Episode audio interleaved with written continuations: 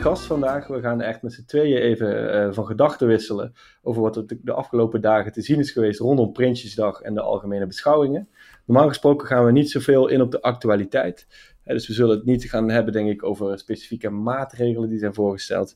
Maar we willen wel een slagje dieper gaan op de frames die gebruikt zijn de afgelopen dagen. Omdat dat voor ons ook wel heel interessant is op de lange termijn om in de gaten te houden. Hè. Wat zijn de verhalen die spelen in de politiek en in de samenleving? En wat gaan we ook richting eh, de verkiezingen zien?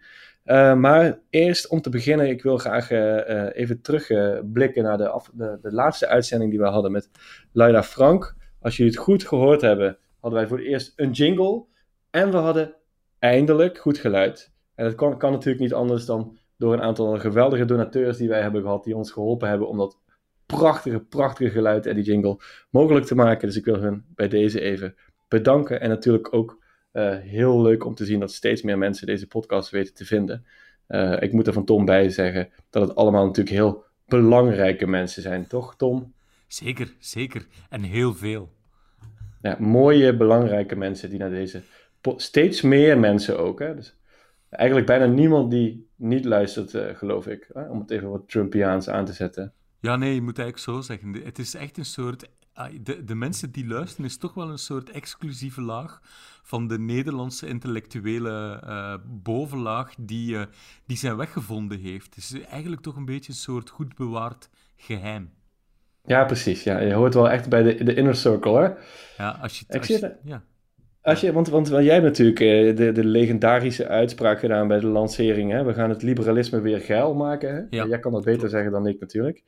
Uh, en, en, misschien moeten we dan net zoals Trump, hè, die, die zei uh, bij zijn uh, campagne: Let's make America great again. En drie maanden later zei hij al: Ja, het is al, het is al gelukt eigenlijk. Let's keep America great. Dus misschien moeten wij vanaf nu ook praten over: laten we het liberalisme geil houden. Hè? Dat is een goeie. Ik heb er eigenlijk nog niet over nagedacht, maar er is, er is sinds onze lancering is er eigenlijk best wel. Um, is er eigenlijk best wel veel rond het liberalisme ineens in beweging gekomen.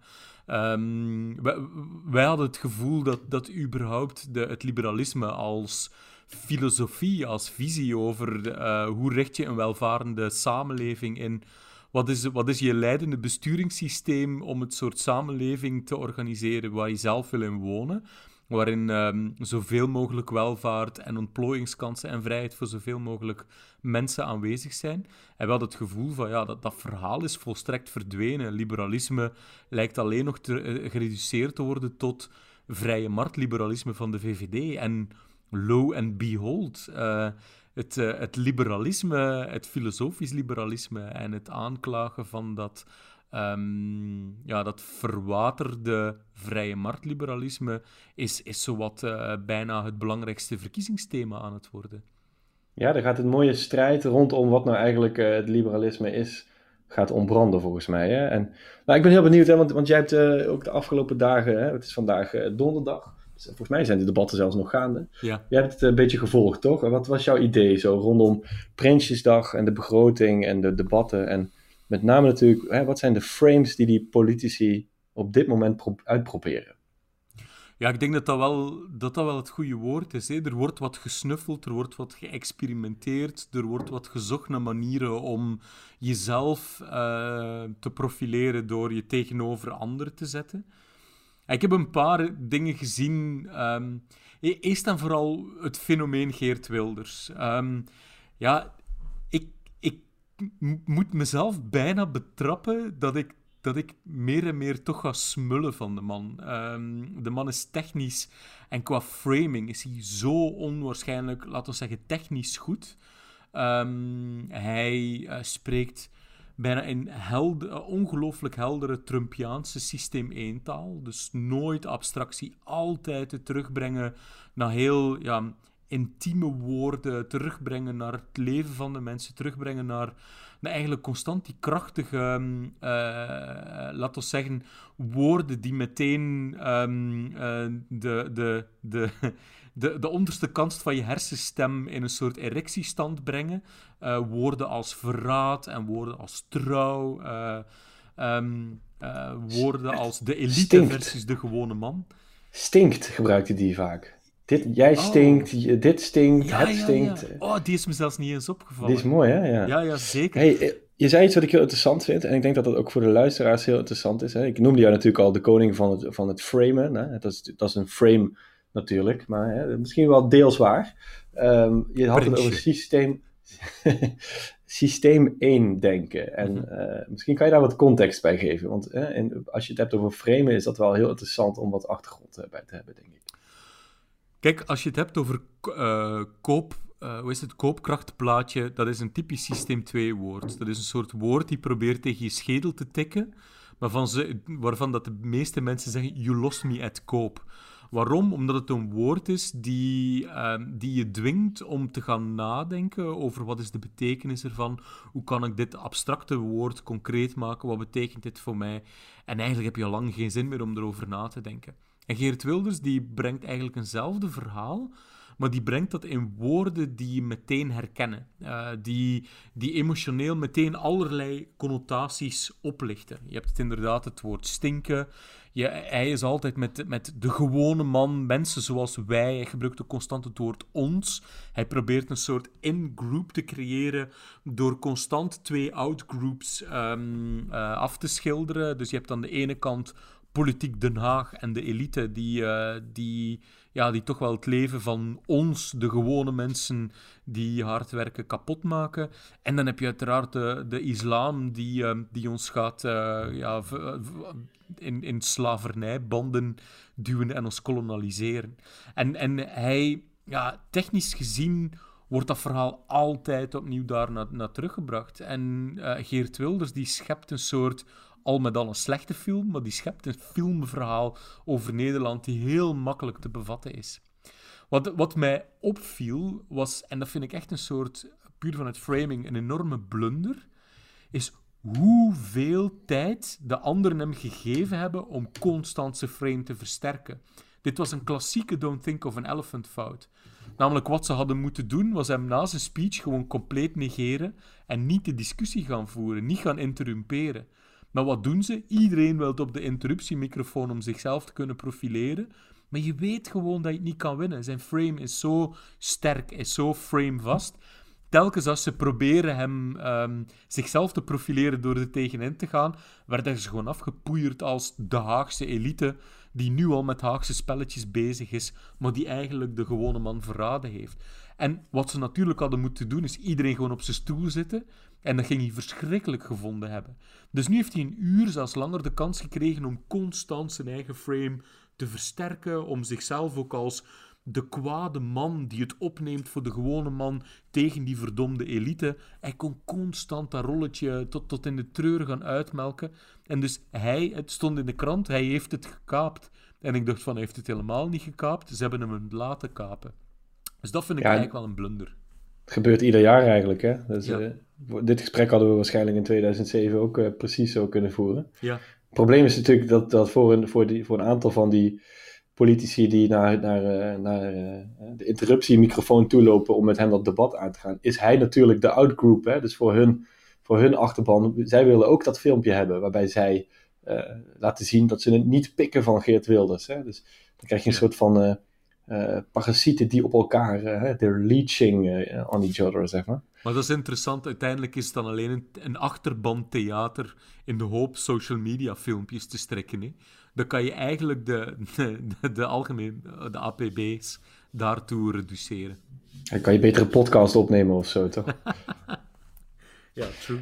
Maar Een tweede ding die mij opviel, nu, misschien nog, eh, ik ben er ook heel benieuwd wat jij erover vond hoor, gisteren. Het tweede ding dat mij opviel was, eh, ja, ik, ik heb wel ook, ik, ik kon wel weer heel erg Klaas, eh, Klaas Dijkhoff ehm, appreciëren, om, om een aantal redenen. Ehm, ik denk ten eerste had hij, had hij een heel goed verhaal. Ehm, eigenlijk ook echt wel een, systeem 1 verhaal. Hij, hij had het over, eh, hij, hij bracht het terug naar gewoon eh, drie pijlers, drie, iets, iets wat hij trouwens al eerder eh, over had in onze podcast. De drie first principles, van waaruit alles zou moeten volgen. Eerlijke handel, handel een sterke overheid en een minder afhankelijkheid van andere landen. En dat, dat probeerde hij heel erg tot leven te brengen met, eh, met concrete verhalen. Maar, maar ten tweede, wat, ik, wat ik dan echt heel erg van smul, is dat van zodra dat uh, geïnterrumpeerd wordt, dan komt hij in zijn element. Uh, dan wordt hij grumpy Klaas, uh, dan weet hij op een heel geestige, giftige manier ja, echt wel terug te slaan. Dan, dan vind ik hem echt wel... Er komt een stukje zo de Britney in hem naar boven. En... Um, de wat? Ik, de Britney, Britney Spears. Britney Spears? Hem zo echt helemaal Britney gaan. Ik vond hem echt hilarisch ten opzichte van... Um, ah shit, hoe heet die van de P van de A? Uh, niet van de van de A, van de SP. Marijnissen. Marijnissen, ja. Ja, ging je echt helemaal Britney op. En, en, dan voel je ineens, dan zie je ineens de mens bovenkomen. En wat echt grappig is, is dat van zodra dat je dan in zijn element komt, dan, dan gaat zijn Brabants ook zwaarder aanzetten. Um, dus ik, ik vond hem debattechnisch, zeker als een soort uh, Britney, wel, um, wel heel, heel, heel tof. Ik zag een hele mooie fact-check uh, over Klaas online staan. Uh, hij had blijkbaar gezegd uh, over de coronatijd: dit is de, ik heb nog nooit zo'n moeilijke tijd gehad die zo lang doorgaat bij niks.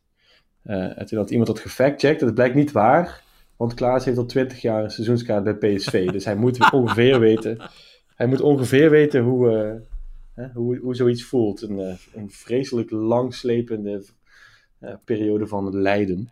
Ja, ja, ja, ja, mooi.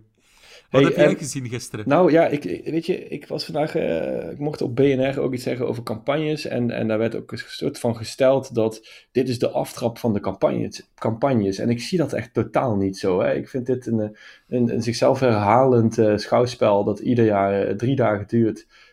waarvan ik eigenlijk van tevoren al zo'n beetje kan uittekenen wie wat gaat zeggen. dus ik, vond, ik heb het eigenlijk bijna niet gekeken, als ik eerlijk ben. Ik heb het af en toe opgezet ik heb natuurlijk wat snippets gezien op sociale media. Daar, kan ik het prima mee doen eigenlijk. En uh, ik heb al lang niet meer uh, de, de, ja, laat ik zeggen, hoe zal je dat netjes zeggen? Ik, ik, ik wil het mezelf al lang niet meer aandoen om dat langer dan het nodige te kijken, zeg maar. En ik heb niet het gevoel dat ik daar ook maar iets mee gemist heb. en ik heb het gevoel dat ik nog steeds begrijp hoe iedereen in de wedstrijd zit en, en wat ze zeg maar de komende maanden gaan doen. Ik vind het veel interessanter uh, wat, wat een Hugo de Jonge bijvoorbeeld dit weekend heeft gedaan. Waar hij een speech gaf. Uh, dat is trouwens ook zoiets. Hè? Iemand wordt dan lijsttrekker. En dan weet je gewoon, er zit ergens een, een voorlichter of een, of een campagneadviseur die zegt: Je moet een inhoud, een, een visiespeech moet je ergens gaan geven. Een lezing. En dan binnen een paar weken staat zo iemand daar een lezing te geven ergens op een podium in een kerk of zo. Van drie kwartier, waarin hij de grote abstracte thema's van de tijd moet gaan duiden. Nou, Hugo de Jonge heeft ook zijn adviseur. Want die stond afgelopen weekend ergens in het, ik weet niet, waarschijnlijk op het platteland in een uh, grote lege zaal. Te praten over de grote uitdagingen. En dat we in een tijd leven zoals we nog nooit geleefd hebben. Uh, en dat vind ik veel interessanter, want hij stipt daar wel degelijk, stipte daar wel degelijk uh, verhalen aan. Waarvan ik denk dat zijn blijkbaar de thema's waar hij op gaat focussen. Hè? En, en eentje nou, daarvan. Nou, hij, hij, viel echt heel hard het neoliberalisme aan. En nou zat gisteren ook Pieter Omtzigt uh, samen met een SP-Kamerlid in een radio-uitzending, waar Pieter Omtzigt hetzelfde deed. Dus dit is een, CDA-thema. Dus de, CDA gaat het, de het neoliberalisme uh, aanvallen. Dat is wel een beetje alsof je iemand die al bewusteloos op de grond ligt, nog een paar trappen tegen zijn hartjes geeft. Want het neoliberalisme, als het al bestaat, uh, ja, niemand is er fan van. Er zijn geen aanhangers van, maar we zitten er wel constant over te praten alsof het de grote vijand is. Uh, maar het is wel duidelijk dat hij zich daarop uh, wil gaan richten. En dat is natuurlijk wel interessant. Hè? En gisteren zag je ook wel tijdens die debatten dat het, dat het een aantal keer terugkwam. Ook bij andere partijen. Dus dat is een thema. Dat is wel een frame, hè? En ik heb daarover na zitten denken, wat is dat nou? Ten eerste denk ik gewoon inhoudelijk gezien. Hè? Het neoliberalisme is iets wat ooit misschien in de jaren 50 door een groep liberalen genoemd werd. Van wij zijn neoliberalen en daar horen een paar, deze paar dingen bij. Daarna heeft nooit meer iemand gezegd, ik ben een neoliberaal. Hè? Maar inmiddels worden wel alle problemen die wij uh, hebben gewijd aan het neo neoliberalisme. Dus volgens mij is het een, de enige politieke stroming die volledig is vormgegeven door de tegenstanders. Dus zij hebben eigenlijk ingevuld wat het dan is. En ik vind, als je erover nadenkt, als we het expres hebben gedaan, is het best wel slim. Want we leven in een liberale samenleving en een liberale economie. Als jij sociaaldemocraat bent of socialist bent, het is gewoon zo. En we hebben het ook nog eens zo goed als we het nooit gehad hebben. Dus wat hebben ze gedaan? Ze weten natuurlijk dat ze niet die hele, de hele liberale systeem kunnen aanvallen, want het gaat gewoon best wel lekker. Dus wat doe je dan? Je bedenkt een, een nieuwe naam, neoliberaal, en dan zeg je, dan kies je alleen maar de slechte dingen uit, hè, die, die we nu af en toe voorbij zien komen. Dat gooi je in een grote pot en dan zeg je, kijk, dit is het neoliberalisme. Dat is heel slim, want je hoeft er vervolgens nooit meer te hebben over de positieve kanten van de liberale samenleving. En je kan je, je kan je alleen maar focussen op dat frame waar je al die slechte dingen in hebt gegooid, het neoliberalisme. Maar dat wil natuurlijk nog niet, niet zeggen dat het bestaat, of dat we er veel tijd aan moeten wijden. Hè. Voor mij is het echt een boeman. Uh, ik heb een verhaaltje van, ik ken het verhaaltje van generaal Dibbets, dat is een, een generaal uit mijn geboorteplaats Maastricht. Die heeft uh, in de 19e eeuw ervoor gezorgd, als garnizoenscommandant van de vesting Maastricht, dat die stad bij Nederland bleef in de oorlog tegen België. Uh, en dat wordt hem daar niet in dank afgenomen. Toen niet, uh, nu nog steeds soms niet. Die man is een boeman. Hè? Dus de generatie van mijn ouders die werden nog opgevoed met het idee: als jij stout bent, dan komt generaal Dibbets komt jou halen. Hij heeft, een, hij heeft een gedenksteen in de stad, daar liepen mensen, en nog steeds lopen mensen daar langs als ze gaan plassen, als ze gaan, sta gaan, stappen en dan plassen ze eroverheen. En als er iets misgaat in de stad, dan is dat nog steeds de schuld van generaal Dibbets. Terwijl die al lang dood is en er helemaal niks mee te maken heeft. En dat is het neoliberalisme een beetje voor mij. Het is hetgene waar, wat je de schuld geeft van de dingen die fout gaan, terwijl het er eigenlijk helemaal geen fuck mee te maken heeft. Het is een soort boeman. Goh, dat was mijn rant van de dag. Ik, ik ga nu lekker achterover hangen. Ja, omdat ik, ik, ik weet niet of ik het helemaal eens ben. Ik snap, ik snap wel, ik volg tot op zekere hoogte wel je, je rant. Het idee van niemand noemt zich neoliberaal uh, behalve de tegenstanders. Anderzijds, um, er, het, is een, het is een frame, het is een woord. En dat woord doet heel veel. Um, het is wel degelijk zo geweest dat de originele neoliberalen, die Oostenrijkse groep rond Hayek en, uh, en wie had je dan nog? En, um, von Mises, dat die wel degelijk um, um, uh, besloten hadden van wij moeten proberen. Het zal lang duren voordat we, dat we de, het, het tij kunnen keren om dit radicale idee, namelijk om alles aan de markt over te laten, we gaan eerst een aantal revoluties nodig hebben om, die, om dat idee zijn ingang te doen vinden. Ze waren toen al bezig van, slechts wanneer ineens een crisis zich aandient, zullen de geesten rijp zijn om nieuwe ideeën uit te proberen en dan moeten we toeslaan. Dat staat denk ik in het boek dat we hier een aantal podcasts geleden besproken hebben, Fantoomgroei, staat ook dat, dat verhaal geloof ik uitgeschreven. Um, wat het het uh, vervolgens gedaan heeft, is dat van in de, uh, vanaf de jaren tachtig, ja, eigenlijk mm, de, de, het idee wel degelijk als een soort zaadje, als een antwoord op toen de oliecrisis van de jaren zeventig, ineens als een zaadje toch wel ging heel erg verspreiden in de hoofden van uh, leiders. Um, eerst Reagan en Thatcher als, als de beroemde vertegenwoordigers van dat denken. Thatcher die ook echt Hayek en het boek van Hayek... Um, als een soort uh, bijbel uh, overal ging verkondigen. En, in Nederland is toen ook ineens dat, dat denken van vergeet de welvaartsstaat, we moeten de markt zijn, uh, alles, alles aan de markt overlaten om uiteindelijk ons probleem van vandaag op te lossen. En wat we dus nu op een punt zitten, wat ook de jongens van Fantoomgroei heel goed beschreven hebben, is dat de slinger compleet doorgeslaan is naar een soort um, overdreven geloof in de helende en positieve werking van de vrije markt. En nu zitten we met, met een framing-probleem. Want wat de tegenstanders die het woord neoliberalisme in de mond nemen bedoelen, is eigenlijk volstrekt doorgeslagen vrije marktfundamentalisme. En nu kan je twee dingen doen. Je kan überhaupt het woord neoliberalisme verwerpen, maar daarmee gooi je waarschijnlijk ook kind met badwater weg. Want de tegenstanders proberen onder woorden te brengen is vrij, uh, uh, compleet doorgeslagen vrije marktliberalisme, uh, vrije marktdenken, waarin dat grote bedrijven ook zo vrij spel krijgen dat ze alleen nog de lusten kunnen gebruiken van een samenleving, maar niet meer moeten opdraaien voor de lasten. Natuurlijk, partijen als CDA hebben daar flink aan meegewerkt. Ik denk dat Lubbers uh, was, was waarschijnlijk een van de grootste neoliberalen van zijn tijd. Wat het gevaar is van het woord neoliberalisme, is dat het woord liberalisme erin zit. En dat dus alle tegenstanders, alle CDA, die, die ooit, en zelfs P van de A ook, er is nu recent een nieuw boekje verschenen, misschien moeten we die gasten ook eens uitnodigen, ik ben even de titel kwijt. maar die eigenlijk de neergang van de PvdA compleet koppelen aan het feit dat ook zij doordrongen geraakt zijn van dat vrije marktfundamentalisme. En ehm, ehm, wat, wat wij inderdaad moeten, moeten proberen te vermijden, is dat, dat dit, dit woord gebruikt wordt. Want het wordt gekoppeld aan het, aan het liberalisme. En dat, dat wil je niet. Je wil dat het gaat over vrij, vrije marktfundamentalisme. En daar is zelfs de, VV, de VVD met Klaas uiteindelijk ook zich tegen aan het keren. Ja, dat, dat, precies. Dat is, dat is een beetje natuurlijk hè, wat ik ook zei met... Uh, als je het neoliberalisme aanvalt, hè, wat jij noemt het vrije marktfundamentalisme, dat is alsof je aan het schoppen bent tegen iemand die al bewusteloos op de grond ligt. Want niemand, niemand is er eigenlijk nog voor. Hè? De, als zelfs de VVD zeg maar uh, afstand neemt van bepaalde uitwassen, ja, wie is dan nog, wie, welke aanhangers heb je dan nog over om als vijand te zien? En wat, wat um, ik, ik, vermoed trouwens dat dit zo'n onderwerp is waar we nog wel eens op, op terug gaan komen. Denk je niet? Wie weet. wie weet, hè, ja. Ik vind het wel mooi trouwens wat je zegt. Het gaat eigenlijk over vrije markt, fundamentalisme en niet over... Het is wel een mooie tegenframe eigenlijk, hè. Om, om ja. gewoon even weer... ja. Heb je nog, zijn er nog meer dingen die jou zijn opgevallen zo? Um, nou, misschien nog even heel kort terugkeren naar, naar het verhaal van Klaas Dijkhoff met zijn drie pijlers van uh, eerlijke handel, sterke overheid, minder afhankelijkheid van andere landen.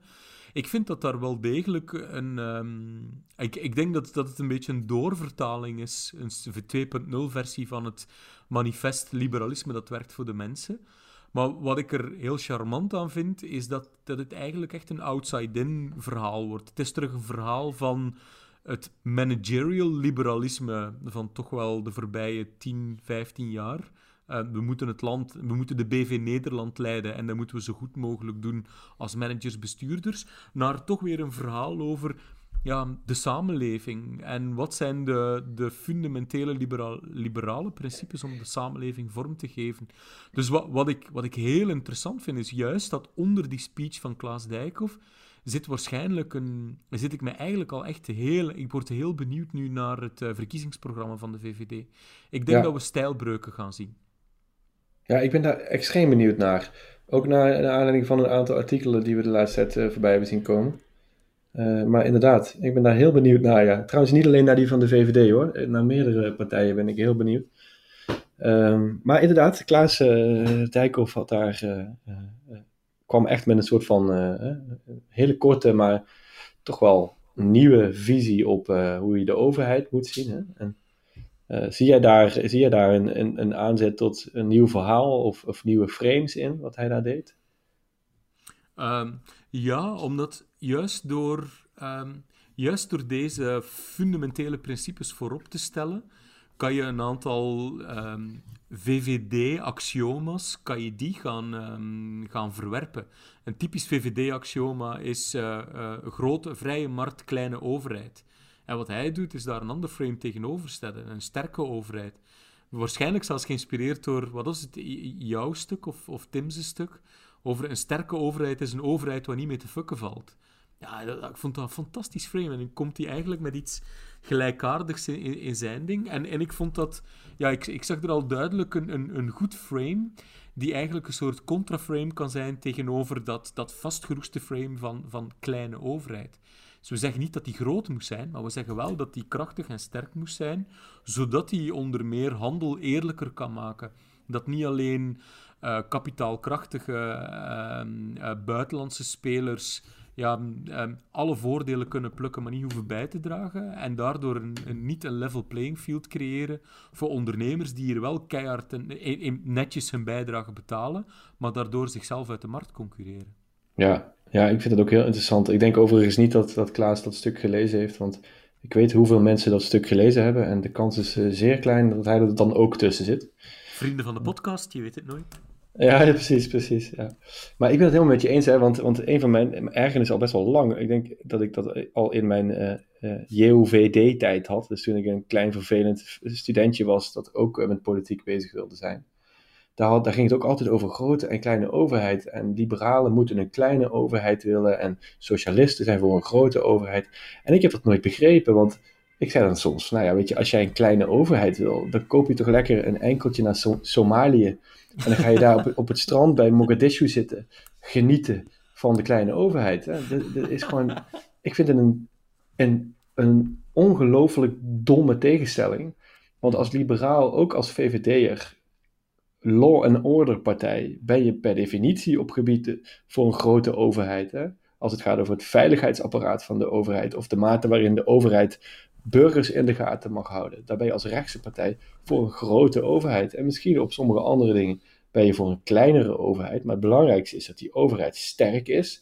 En, en zoals, zoals ik dat toen inderdaad schreef, eh, een overheid om niet mee te fucken. Dus, dus mensen moet je vrijheid geven, bedrijven moet je vrijheid geven. Uh, maar ze moeten wel weten, je moet niet fucken met de overheid. Als er regels zijn, dan hou je je daaraan. En als je dat niet doet, krijg je een flinke wapper.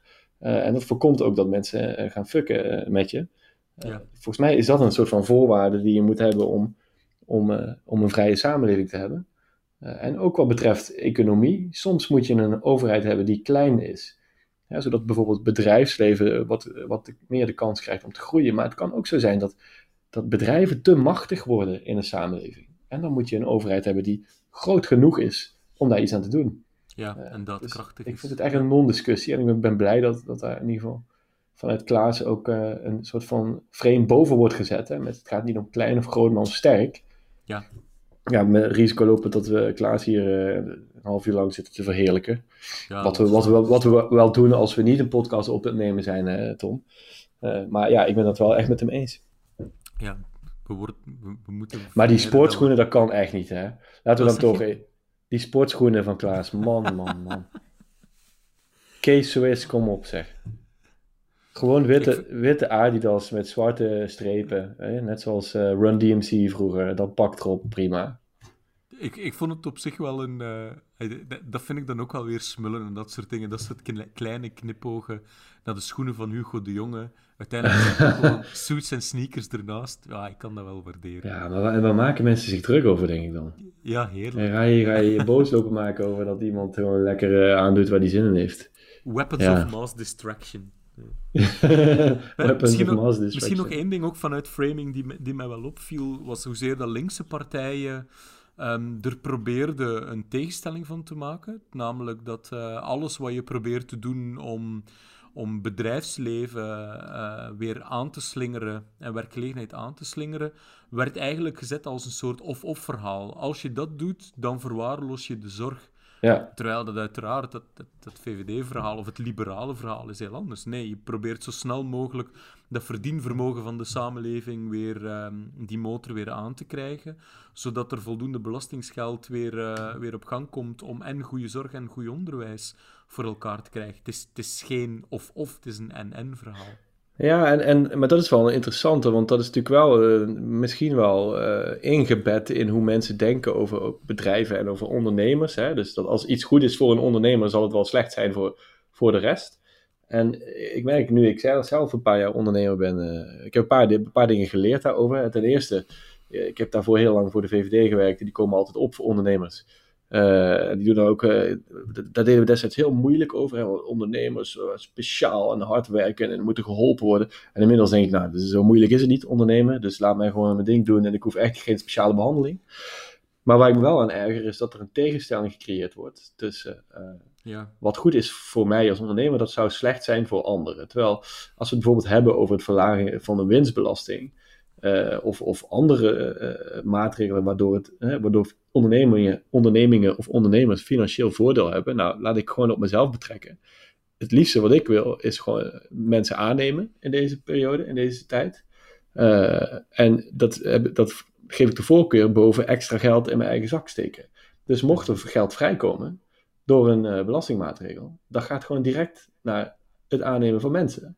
Ja. En dan staat Lilian Marijnissen en misschien ook Lodewijk Asscher en die linkse partijen, die zijn tegen dat soort maatregelen. En dan denk ik, ja, in mijn geval zorg je er gewoon voor dat, dat twee mensen niet bij mij kunnen komen werken.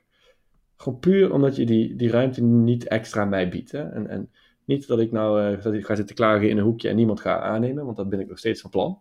Alleen maak het me iets makkelijker. Dat, dat geld gaat echt niet direct naar mijn uh, rekening op de Cayman-eilanden. Uh, maar daar ga ik gewoon mensen van aannemen, joh.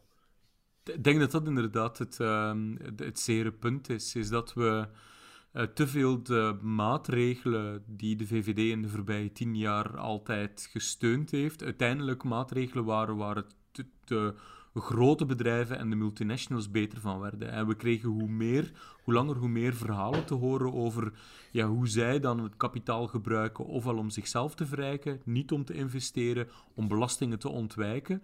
En, en, en intussen word je geconfronteerd met het feit dat er keihard bezuinigd moet worden op de zorg. En ook wij ondernemers, die juist um, ehm, 100% zelf-eigenaar zijn van onze onderneming, um, worden daar een beetje ontmoedigd van. Want wij willen dat geld gebruiken inderdaad om, om een groeionderneming te creëren en om onze mensen uh, te kunnen goed betalen en werkzekerheid te geven.